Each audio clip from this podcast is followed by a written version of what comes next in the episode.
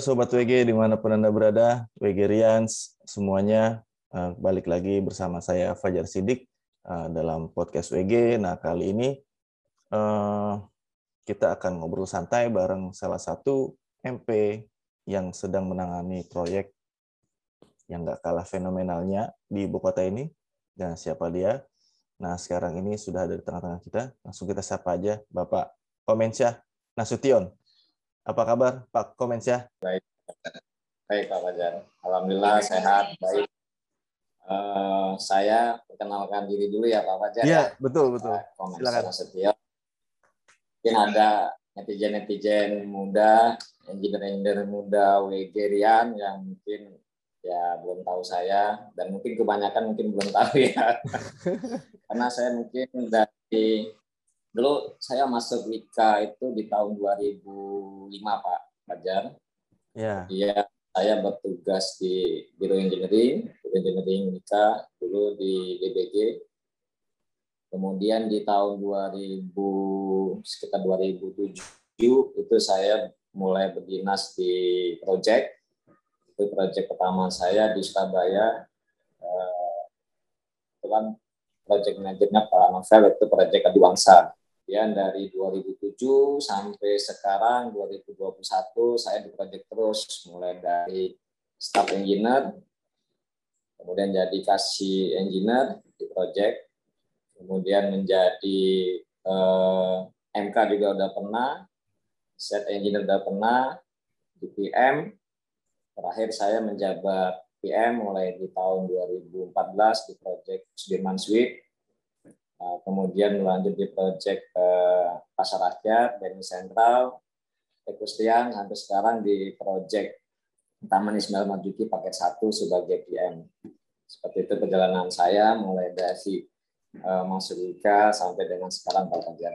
Nah, mungkin teman-teman baru tidak terlalu kenal saya karena juga saya jarang di pusat. Jadi mulai dari 2007 ya berulang buana di proyek ke proyek Pak. Mulai dari Tadi Surabaya pernah, keliling ke Medan juga pernah proyeknya, ke Solo, akhir di Jakarta. Pak, seperti itu Pak. Keliling Indonesia ya Pak ya? Ya, alhamdulillah. alhamdulillah. Belum semua sih, belum semua, tapi udah pernah merasakan keliling di luar Jakarta. Mantap. Lebih sekitar 7-8 tahun ya. Iya. 2012 balik lagi ke Jakarta, ke uh, besoknya uh, itu pak. Nah selanjutnya nih pak, sekarang ya. kan posisi bapak ada di proyek Jakarta apa uh, sorry Taman Ismail Marzuki pak ya? Ya Taman Ismail Marzuki pakai satu pak Nah uh, mau dong pak kita diceritain pak mungkin dari asal mula terus juga bagaimana apa scoop dari WG sendiri untuk menangani proyek itu Pak apa sih? Ya, jadi proyek Taman Ismail Marzuki ini kita dapatkan di tahun 2020 eh 2019 pertengahan. Pertengahan ya. Juli. Nah, Juli. Di situ kita mulai di pertengahan Juli SPK-nya eh, tapi ada beberapa kendala sih yang kita hadapi. Jadi salah satu kendala itu setelah terima lahan yang baru kita bisa dapatkan sekitar bulan November. Kemudian nanti setelah terima lahan di November kita mulai ngebut, kemudian dapat adangan lagi proyek uh, oleh komplainan seniman. Hmm. Karena memang Taman Ismail Marzuki ini adalah proyek Pemda DKI di PBPD DKI yang merupakan pusat kesenian Jakarta Pak Fajar. Ya. Uh. Uh, seniman ini terkait masalah uh, penamaan uh, salah satu gedung uh, hotel dinamakan padahal itu sebenarnya bermaksud sebagai wisma hmm. sebagai tempat uh, mereka nanti uh, berkarya ya di situ jadi tuntutan seniman ini tidak uh, membolehkan ada aktivitas bisnis. Itu kita ada sempat uh, slowdown juga sekitar 2-3 bulan. Nah, tadinya proyek ini harus selesai di Desember 2020 kemarin. Tapi karena ada uh, seperti malahan yang terhambat, kemudian ada shutdown di uh, karena tadi komplainan seniman akhirnya kita mendapatkan adendum waktu penyelesaian di September tahun ini nih Pak, Pak Fajar. Oh. Uh, mudah-mudahan sih kita bisa tuntaskan dengan uh, tepat waktu, tepat mutu, dan juga bagi Wika Gunung sendiri tepat biaya. Ya. Untuk progres proyek di sekarang ini kurang lebih sih udah 67,34 persen. Dikit lagi ya, Pak ya? Ya tinggal kurang lebih sih enam minggu lagi jadi end of September itu harus selesai Pak Fajar. Luar biasa. Jadi sekarang saya lagi ngebut-ngebut nih, ngebut-ngebut sama teman-teman. Jadi ya macam-macam lah yang kita kita lakukan uh, usaha kita termasuk uh, adangan-adangan seperti pandemi segala macam sekarang ini kita kita mitigasi untuk bisa proyek tepat waktu Pak Fajar. Seperti itu Pak Fajar. Perjalanan proyek kita dari awal sampai ini mau selesai di end of September. Nah, itu tuh Pak mengenai pandemi itu Pak. Itu gimana tuh Pak? Dari apa mitigasinya Bapak tuh gimana Pak? Langkah-langkahnya apa tuh Pak?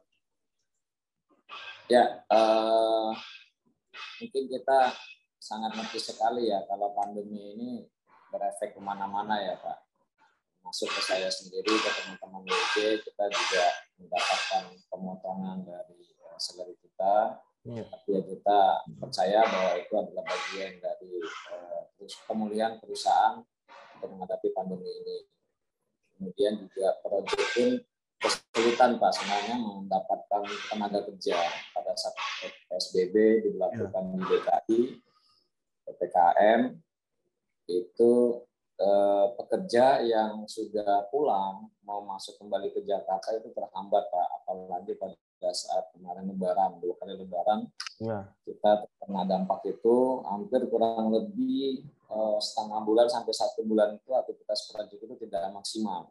Hmm. karena kita juga nggak bisa ma apa ya menghalang-halangi pekerja untuk iya benar-benar pak. lebaran walaupun sudah berbagai usaha pak kita lakukan kita kasih semacam uh, reward bagi mereka yang tidak pulang itu cuma di tahun pertama aja itu bisa itu. Hmm. Jadi ada kurang lebih 30% pekerja yang mau tetap bekerja, tetap uh, di project ya, menunggu yeah. uh, lebaran berapa hari kemudian bekerja kembali. Tapi di tahun berikutnya di tahun 2021 ini full pekerja pulang semua, Pak. Waduh.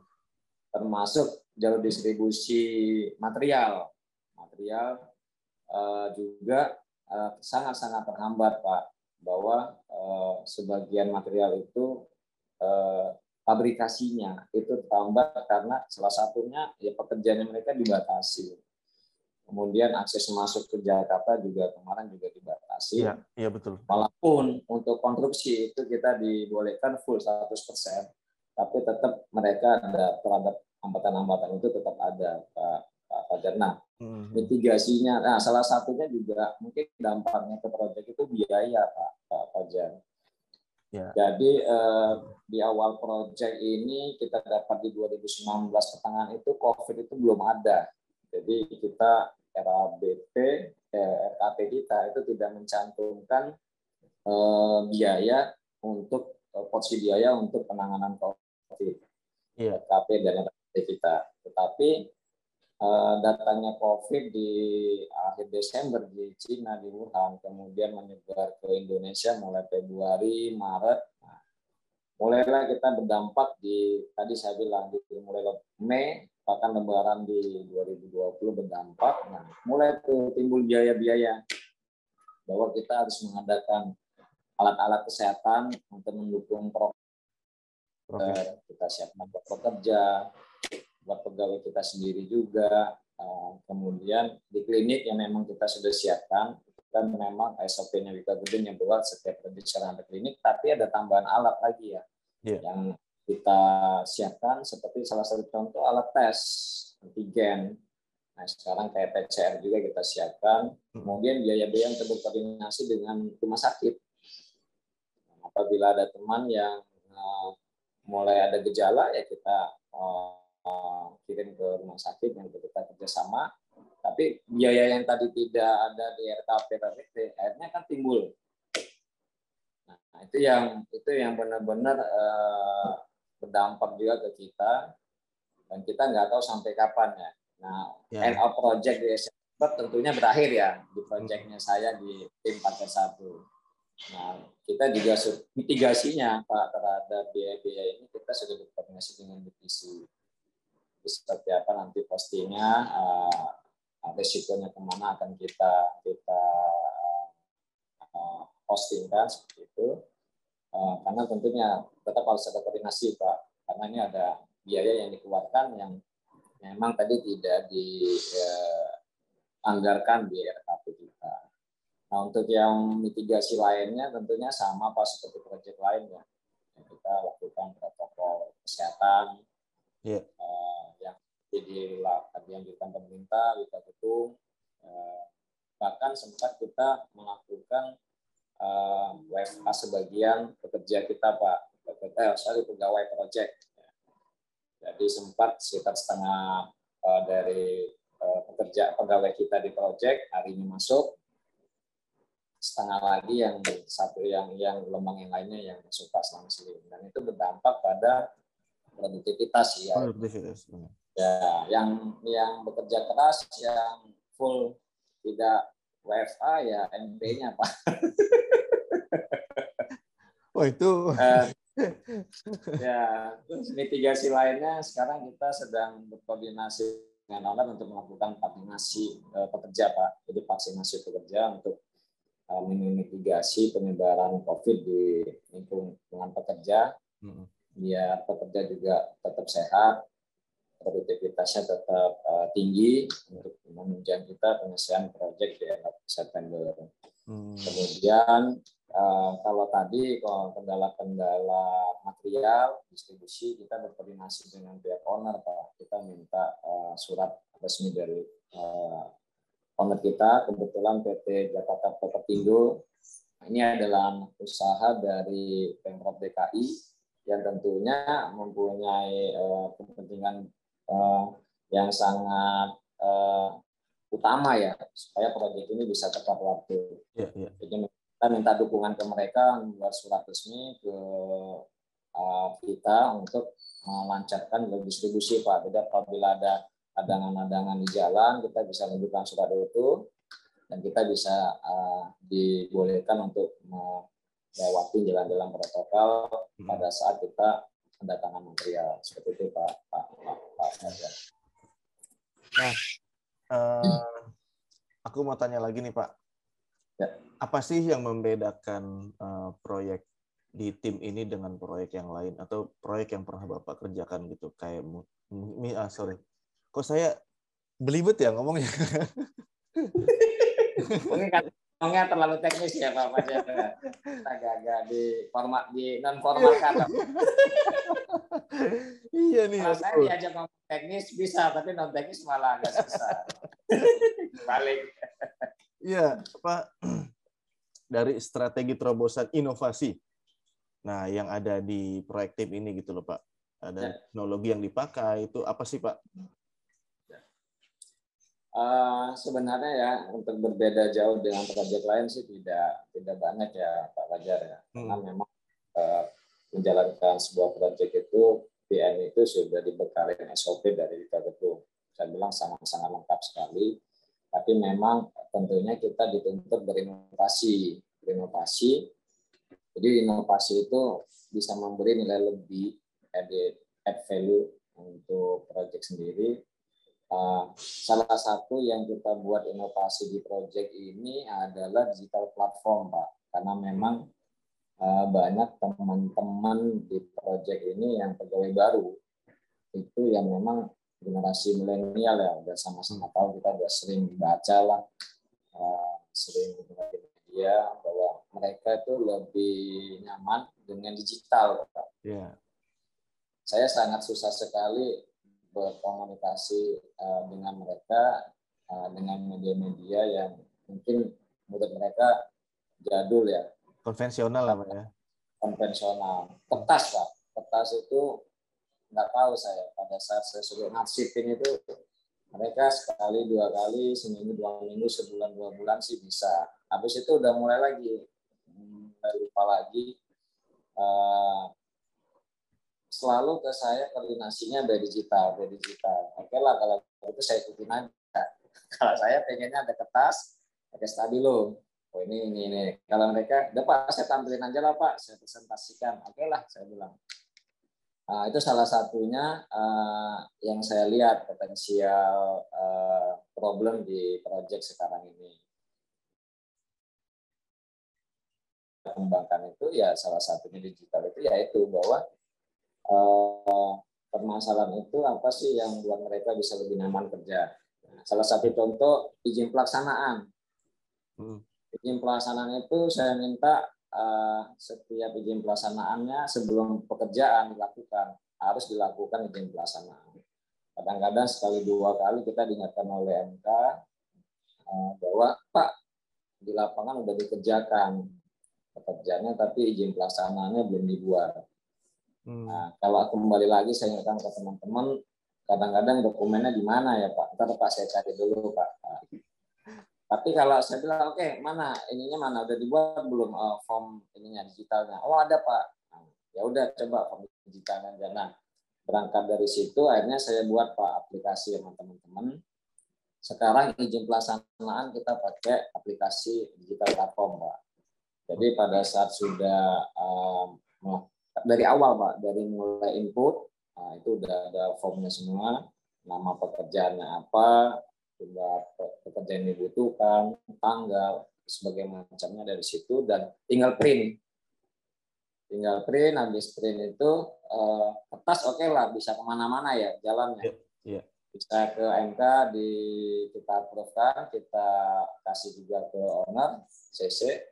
Nah tapi pada saat saya nanya nih, kadang-kadang saya juga lupa kan, oh yang pekerjaan itu gimana? Izin pelaksanaan udah dibuat. Oh udah Pak, ini Pak ini udah lengkap Pak, ini tanda tangan bahasanya saya apa, tanda tangan digitalnya saya udah ada situ juga Pak. Oh ini Pak, habis itu udah kita kirim dan file itu terasi terus Pak, hmm. terasi terus digital platform itu. Jadi memang saya bekerja sama dengan uh, ada teman yang bisa membuat uh, program itu hmm. Dan itu kita masukin di iklan Pak. Jadi kita bayar per bulan tapi nggak nggak besar biayanya. Tapi efeknya lumayan dampaknya bahwa itu tadi semua uh, pekerjaan kita itu terrecord pak digital di digital yeah. platform record nggak cuma di pelaksanaan bahkan metode kerja short drawing uh, laporan harian itu kita buat dan dokumentasi pak jadi nanti pun di proyek akhir kita nggak perlu uh, repot-repot pak mendokumentasi dokumen-dokumen itu kita kita rawat seperti dokumen paper ya. Nanti yeah. ada teman hujan. Terus proyek itu kan kita paling nggak kurang lebih 10-15 tahun dokumen harus tetap kita pegang, Pak. Iya, betul. Nah, sebagai uh, bahan kita uh, untuk uh, tetap mengantisipasi apabila ada di kemudian hari klaim-klaiman seperti apa. Nah, jadi tinggal kita lihat aja nanti dokumennya itu juga berjalan uh, dari apa uh, dari proyek-proyek sebelumnya Pak itu berkaca dari proyek sebelumnya bahwa proyek Ekusrian contohnya kemarin pada saat uh, dua tahun selesai kita selesai di 2018 2020 itu ada pemeriksaan BPKP jadi ownernya butuh data butuh ya. data karena kita udah pindah proyek kita kepak bus-busan kita ya. taruh di gudang dokumen itu saya sudah cari pak seminggu pak itu belum ketemu dua minggu baru ketemu pak saya juga udah pusing karena itu hubungannya dengan klaim-klaiman pekerjaan kita yang disebutkan eh, tidak melakukan eh, memberikan izin pelaksanaan sebelum hmm. pekerjaan hmm. itu pak jadi di, disebutkan di pihak owner bahwa dokumen kita tidak ada. Dan itu yang dipermasalahkan oleh BKP. Hmm akhirnya ketemu alhamdulillah dapat. Tapi saya bilang udah jangan kayak gini lagi deh tergantung saya bilang kita buat juga deh seperti itu dan satu lagi pak inovasinya sama pak di digital platform pak. Uh, kendalanya salah satu di proyek itu adalah pengadaan material pak. Yeah. Ada material itu biasanya kita ada form uh, eh, SPPM surat permintaan permohonan material nah di situ biasanya dari mulai yang peminta pemohon mungkin dari salah satu contoh permintaan dari produksi kemudian nanti ke pengadaan, pengadaan di ke komersial, komersial ke PM. Itu biasanya kadang-kadang Pak itu ribut antara bagian. Oh. Saya biasanya nanya kenapa pekerjaan ini belum dikerjakan. Pak, materialnya belum diadakan. Itu jawaban produksi. Dari hmm. produksi, lemparnya ke mana? Ke pengadaan. Pak, saya udah kasih ke pengadaan. Pengadaan lemparnya ke mana? Komersial, Pak, dokumen komersial. Itu dokumen kadang-kadang sering nggak ketemu, Pak. Sering nggak seliput di media siapa, kita nggak tahu kan, Pak. Berkaca dari pengalaman itu juga saya bilang ya udahlah coba kita buat aplikasi bahwa semua terrecord. Iya. Ini tidak ada lagi orang mau salah-salahan. Itu udah tinggal nunjuk hidungnya sendiri, tinggal saya bilang ini loh. Sampai jamnya mereka, jam detik waktunya terrecord, Pak Hmm. Jadi rekam jejak digitalnya terlibat bahwa mereka kapan, tanggal berapa, jam berapa permintaan material. Kemudian kapan disamit ke pengadaan. Pengadaan juga sama Pak, kapan mereka mengupload untuk dilanjutkan ke komersial. Komersial, benar. Komersial mengupload, dilanjutkan ke PM.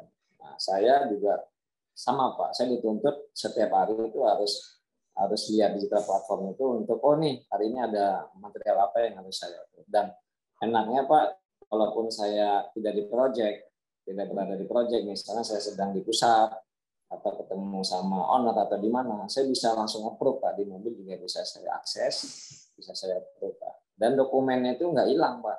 Dan ya, iya, di iya. lapangan sekarang tidak ada lagi Pak yang seperti itu bahwa Pak ini apa materialnya formnya eh, apa pengadaan material sudah saya kirim Pak ke mana ke mana ke mana Nggak saya lihat, wah ini loh, kamu belum ada masukin kok. Ya, seperti itu Pak. Dan mereka kita training, kita lakukan percobaan itu sebulan Pak. Sebulan. Jadi sebulan kadang-kadang minggu pertama kemarin mereka lupa. Oh lupa Pak, ya udah. Tapi otorisasinya mereka udah bisa semua. Pelaksananya itu wajib, mereka bisa.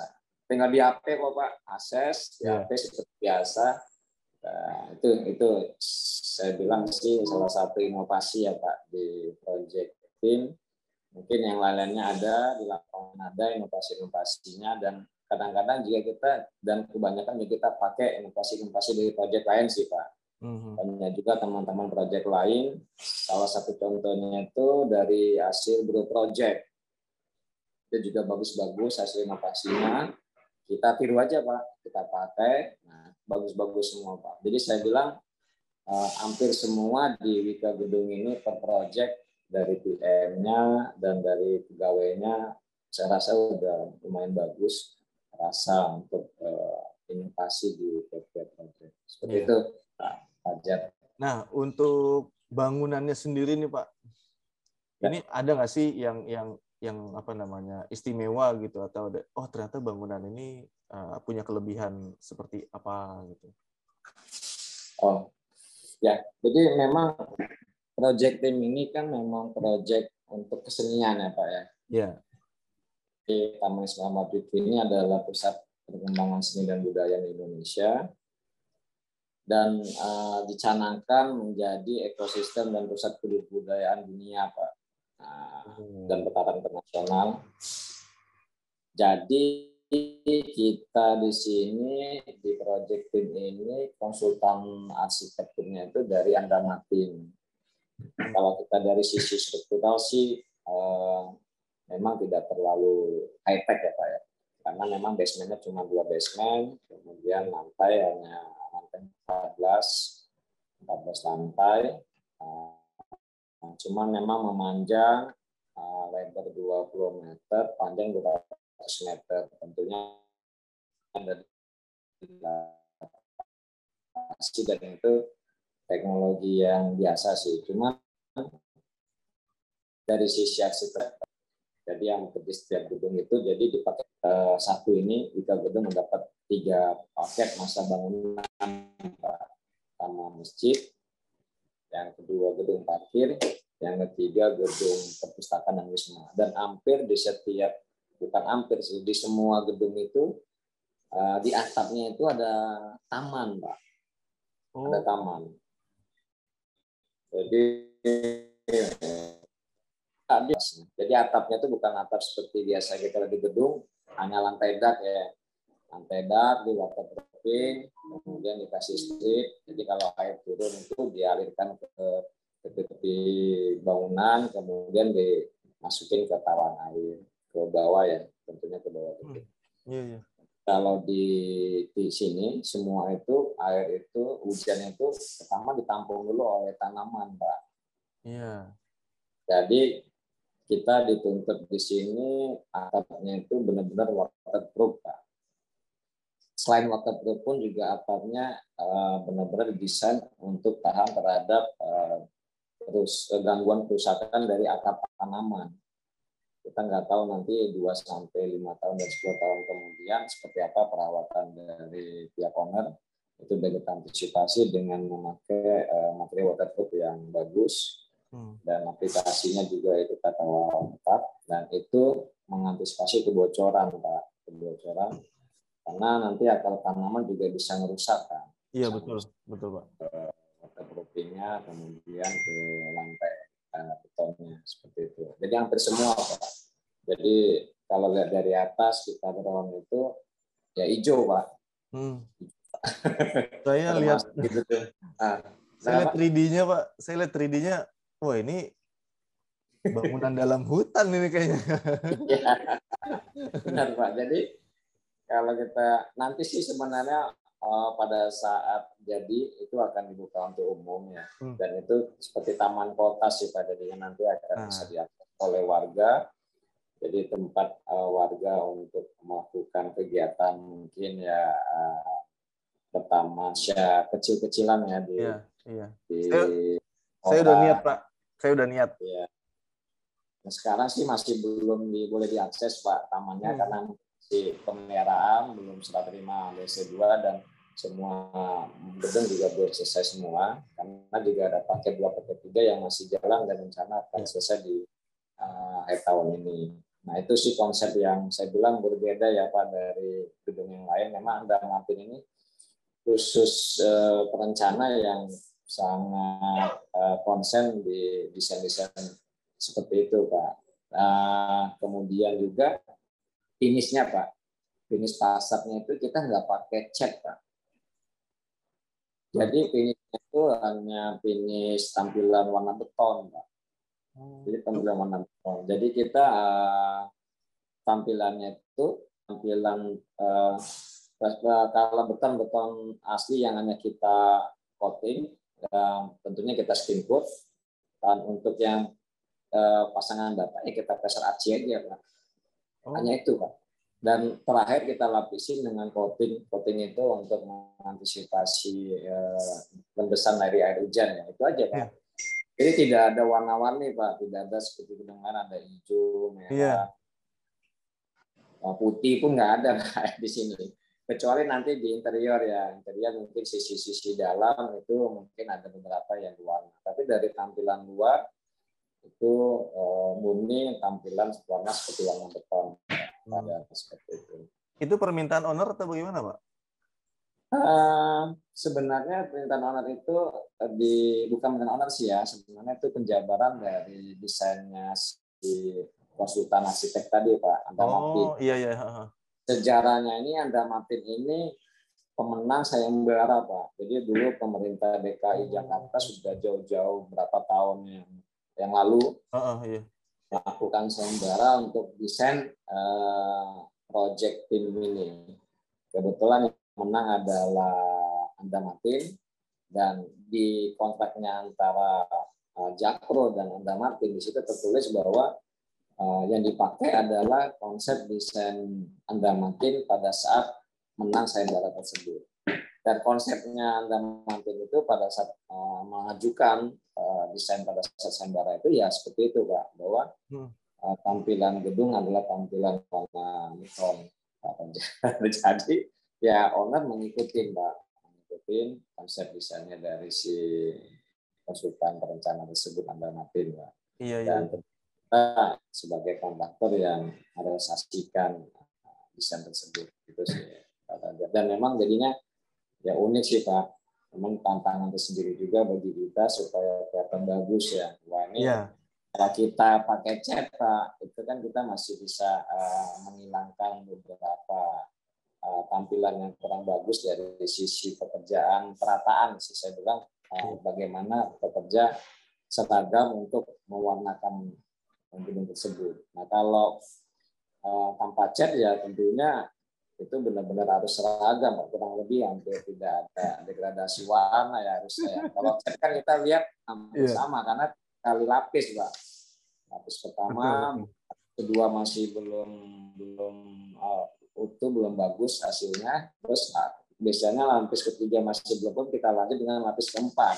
Hmm. Jadi seragam warnanya. Tapi ini hmm. yang enggak, Pak. Benar-benar hasil dari tulisnya kita yang ditampilin, Pak. Pure, Pak ya? Begitu ya? Begitu aja udah ya? Pure, Pak. Pure ya alhamdulillah yang di gedung parkir sudah kita serah terimakan dan di gedung hmm. masjid dan alhamdulillah bisa diterima hasilnya oleh pihak konsultan pak hmm. dan pihak owner ya. Sudah dipakai juga pak ya? Sudah dipakai untuk yang masjid ya. Masjid. Hmm. Uh, kita sudah serah terima di end of Mei tahun 2020 dan diresmikan oleh mantan wakil presiden Yusuf Kala ya. dan sebagai Ketua Masjid Indonesia ya dan kemudian didampingin oleh Gubernur DKI Pak Anies Baswedan. Setelah itu BC 1 kemudian kita serah terimakan ke owner dan sudah dipakai Pak hmm, ya. sampai sekarang. Jadi kita uh, sekarang sudah melakukan proses BST 2 di masjid untuk gedung parkir kita serah terimakan di bulan Oktober Pak 2020 tahun lalu dan sudah dipakai oleh Dinas Pemadam Kebakaran. Oh. Sudah Pak. Jadi di situ difungsikan beberapa ruangan untuk Dinas Pemadam Kebakaran. Sisanya ya benar-benar luar gedung parkir nanti akan menunjang uh, parkir dari uh, tim ini Pak, proyek ini. Dan nanti tim pada saat keseluruhan difungsikan. Seperti itu. Oke. Okay. Oke, Pak. Nah, ini aku mau nanya soal sedikit agak ke dalam. Ya, nah, pertanyaannya jangan berat-berat nih. dalam berat lagi aduh.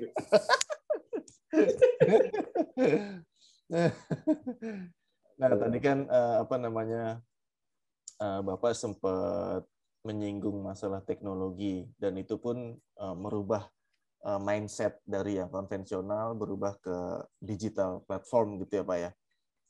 Nah, kalau boleh saya tanya untuk uh, caranya Bapak memimpin sebuah tim. Nah, kira-kira ada nggak sih Pak yang memang uh, penanganan khusus gitu supaya lebih apa namanya lebih solid, terus juga memotivasi kreativitasnya tim gitu. Kira-kira ada nggak sih Pak? pertanyaannya udah ini nih dikaji. udah ke manajemen, udah ke manajemen nih pertanyaannya Pak Fajar. Pelan-pelan dari slow sama. Jadi gini Pak Fajar, ya saya coba jawab ya Pak ya. Iya, iya. Uh, sebenarnya kalau konsep kepemimpinan itu di proyek tim ya dan di proyek yang saya tanganin biasanya saya sih lebih ke sistem komunikasi dua arah pak Fajar.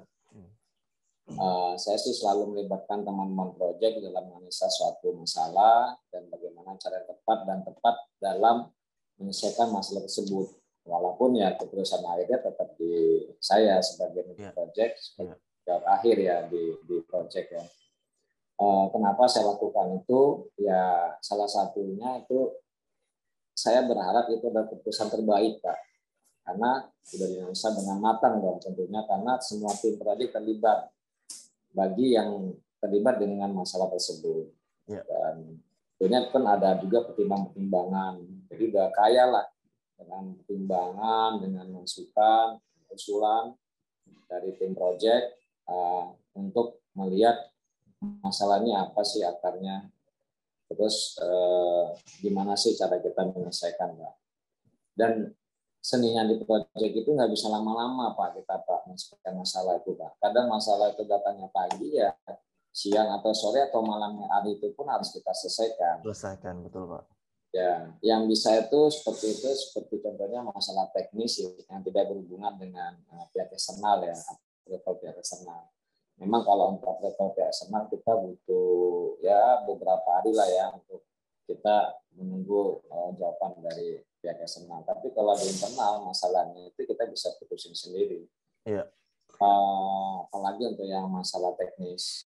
Jadi ya, ya itulah Pak, itulah uh, cara kepemimpinan saya bahwa saya juga bukan seorang manusia yang tahu semuanya bisa jadi teman-teman yang lain dari sisi komersial lebih tahu ya lebih dalam ya. ada teman-teman yang dari produksi yang mungkin uh, masa kerjanya di atas saya banyak pak memberi masukan juga oh seperti ini pak komen nah, dari sisi engineering hmm. ya memang dulu saya agak lama berkecimpung di engineering tapi mungkin sekarang saya udah lebih ke manajemen nah teman-teman engineering kadang-kadang juga ngasih masukan. Bahkan yang muda-muda pun sama pak yang kita tidak terbayangkan. Pak mungkin bisa seperti ini pak. Nah, bisa hmm. seperti ini. Nah, seperti itu sih pak. Jadi dan itu pun ya? juga meringankan iya. Dan itu juga meringankan uh, beban pikiran suatu seorang manajer project pak. Yeah. karena project juga cuma masalah itu kan. Butuh masukan uh, juga pak ya?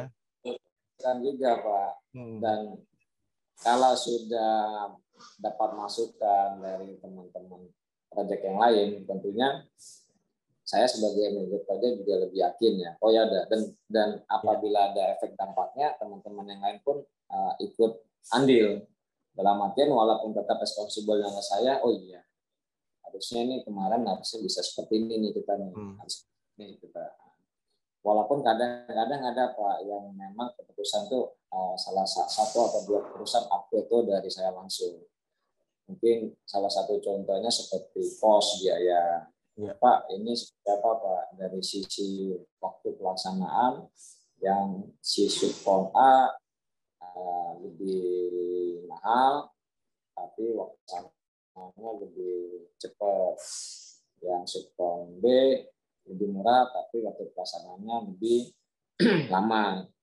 Iya, iya. Ya, coba kita buat eh, apa namanya perbandingan. Kita biasanya saya langsung komunikasi tuh Pak sama si vendor tersebut, supaya tersebut.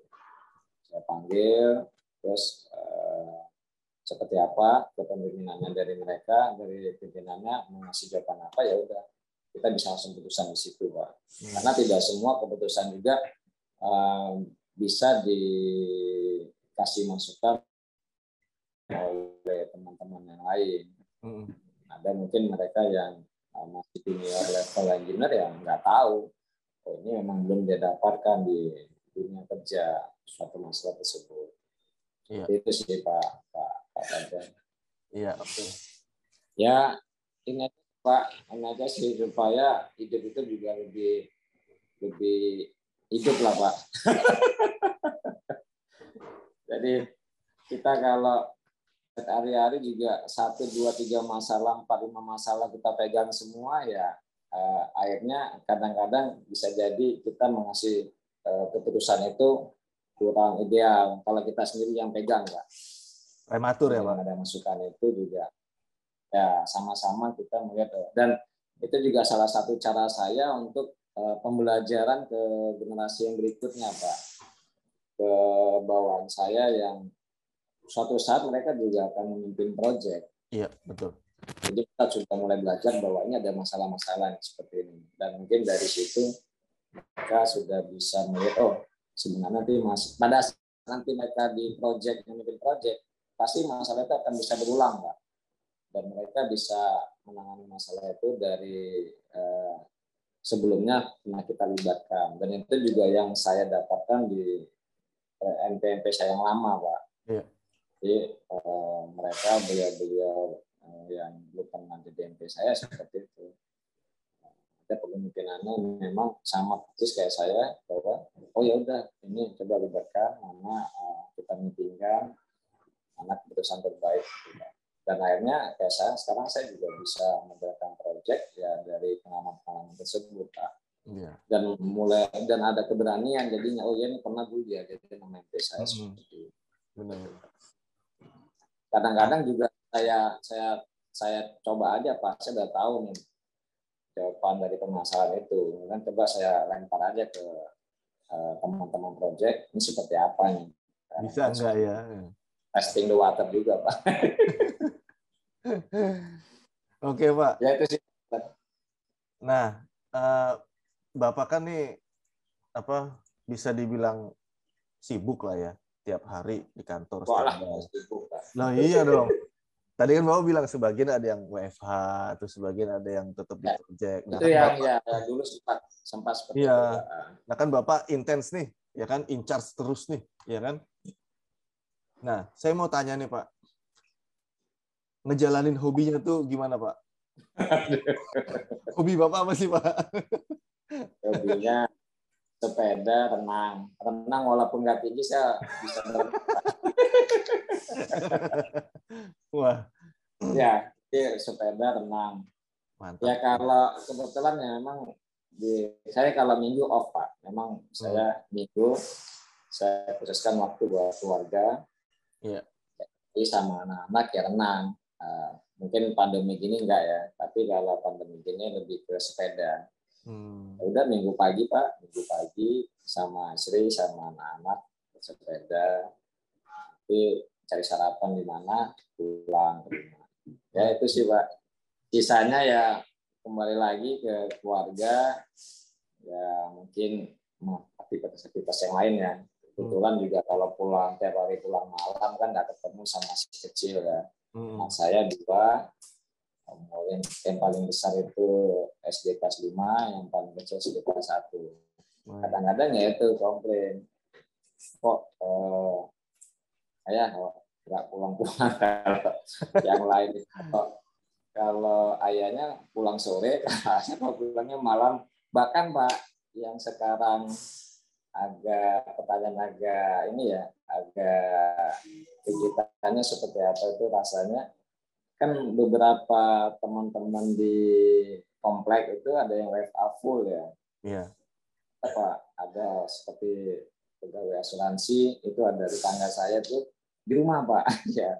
Marketing juga sama. Itu mulai dari pertengahan 2020 sampai sekarang di rumah WFA jadi kok kok ayah tiap hari berangkatnya sama pagi kok pulangnya tengah malam ini pandemi Pak. bahkan anak saya juga kan online pak sekolahnya Iya. online Hmm. dan memang itu juga eh, pertanyaan yang saya susah jawabnya sekarang saya bilang ya ya kerjanya sih di proyek konveksi kadang-kadang ya video saya tunjukin video di YouTube nih loh kerjaan ayah gini gini Hmm. ya sekarang sih udah agak mengerti ya apalagi yang berkoordinasi Iya. nah, kalau lah pak sama hobi sama keluarga seperti itu pak Iya, iya, iya. iya. Ya Itu setidaknya pertanyaan terus tuh Pak kalau ditanya itu waduh pagi saya kalau udah jam 7 berangkat itu ada tetangga itu dia lagi bersih bersih kandang burung waduh. habis sepedaan Nah, Eh, ada dua yang mungkin eh, mirip sama saya yang berangkat pagi ya tapi kayaknya juga sering diskusi mereka juga berapa minggu sekali ya mungkin dalam seminggu itu tiga hari off tiga hari eh, kerja gitu. Iya. Gak kayak bapak tiap hari masuk pak. pak kalau saya ngecor pak nggak bisa dari rumah pak. itu dia, Pak. Selesaikan masalah nggak bisa dari rumah pak. Kadang-kadang sih pak kalau meeting ya kalau sekarang kan meeting eksternal ya meeting Iya. eksternal eh, kita online online juga. Jadi tidak belum diperbolehkan dari online juga kita offline. Ya udah kadang-kadang itu saya ambil waktu juga pagi itu bisa sama keluarga dulu tuh sambil meeting online. Sisanya baru untuk bus project. Ya bangsa sejam pak ngeliat si kecil udah online sama sekolahnya masing-masing ya udah. Saya juga online meeting tuh pak. Habis itu baru berangkat. Itu sih pak. Itulah. Ya, Setidaknya waktu berkumpul dengan keluarga terpenuhi lah, Pak ya. ya betul pak. Sama hobi tadi sepeda. Kalau biasanya berenang sama anak-anak sementara dipakkan dulu. Oh iya, iya. Karena apa, mengurangi penyebaran. ya. Nah. Betul, pak. Terakhir nih, Pak. Ya. Eh, mau dong, Pak, kita dikasih pesan dan kesan Hmm. eh, terutama para engineer dan juga para sobat WG dan WGrians. Kira-kira Eh, ya. kesan ini kesannya saya apa ya waduh udah Lah kan Bapak Ya, udah senior lah ya di sini. waduh ya, ya. Masih merasa muda nih pak Waduh.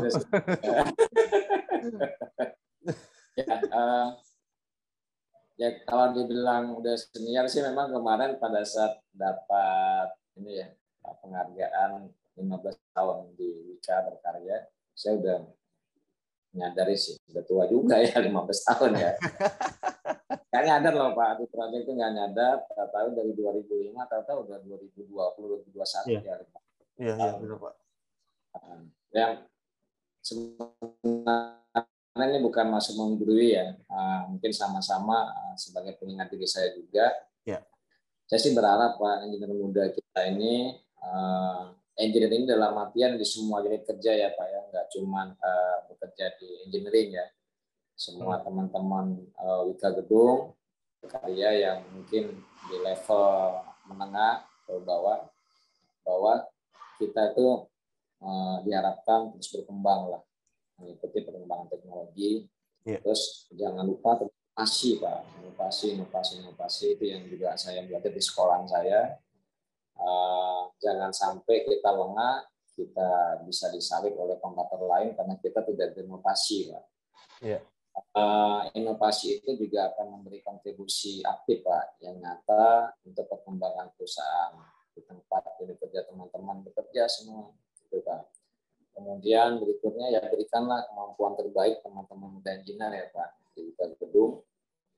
Apa pun yang kita bisa keluarkan kemampuan terbaik keluarkan Pak. Jangan nunggu, jangan nunggu dari atasan nyuruh.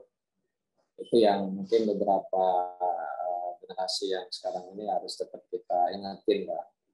Jangan nunggu, jangan nunggu, jangan nunggu. Ayo kerjakan apa yang sudah di eh, tugaskan oleh atasannya masing-masing, Ya. oleh PM-nya, oleh kasih-kasihnya, dan tentunya juga tiap eh, engineer itu udah ada semacam eh, apa ya eh, job desk-nya masing-masing di, dikerjakan dengan sebaik-baiknya eh, dengan kemampuan terbaik. Jadi mari kita sama sama menjadikan Wika Gedung itu perusahaan yang terbaik, Pak. Iya. Teman-teman muda Nah, dari sisi mutu, ini dari sisi proyek ya Pak ya, mutu, ketepatan waktu, inovasi, inovasi dan tentunya meet uh, customer need Pak, meet owner need. Ya, owner need itu ya salah satunya yang nggak jauh-jauh juga Pak dari mutu Pak dan ketepatan waktu. Ya. Jadi ke gedung itu tetap menjadi pilihan owner Pak dalam membangun bangunannya mereka. Itu sih Pak sih aja mungkin ya eh, tidak banyak tapi mungkin bisa sedikit lah pak inspirasi Wah. dari pengalaman saya yang Pasti masih, itu. ya, masih muda lah gitu. Aduh, saya yang masih muda, Pak. Ini sebelum podcast saya potong rambut dulu pak biar kelihatan muda pak. Waduh, mantap. Oh, sebelumnya gondrong, Pak. Agak ganteng karena cukur pak. Lagi nggak boleh cukur ya, Pak, belakang- belakangan ini. Aduh, iya makanya dikejar sama Pak Fajar. Aduh ya udah nih saya hari Minggu kemarin tuh, waduh ini ya masih ada kesempatan saya potong rambut sore-sore. Mantap. Eh, Oke, itu Pak Fajar. Ya, terima kasih Ya. banyak Pak Komen eh, atas waktunya. Eh, aku wah suatu kehormatan nih bisa berbicara dengan leader proyek di Sama Pak Fajar. next time kita bisa ketemu mungkin ngobrol bareng lagi Pak dengan tatap muka tentunya. Kalau Oh, iya. kondisinya pandemi ya. ya itu Pak. Wah, Siap, siap. Amin. baik baik terima ya, kasih. Baik, Sama terima Pak Fajar. Oke, Sobat WG, WGrians di mana pun Anda berada, demikian perbincangan kita dengan Pak Komencian Nasution. Eh, mudah-mudahan informasinya bermanfaat bagi kita semua. Eh, untuk selanjutnya ada siapa dan kita bakal ngobrol apa aja. Jangan ke mana-mana, stay tune terus di channel ini, Podcast WG. Salam.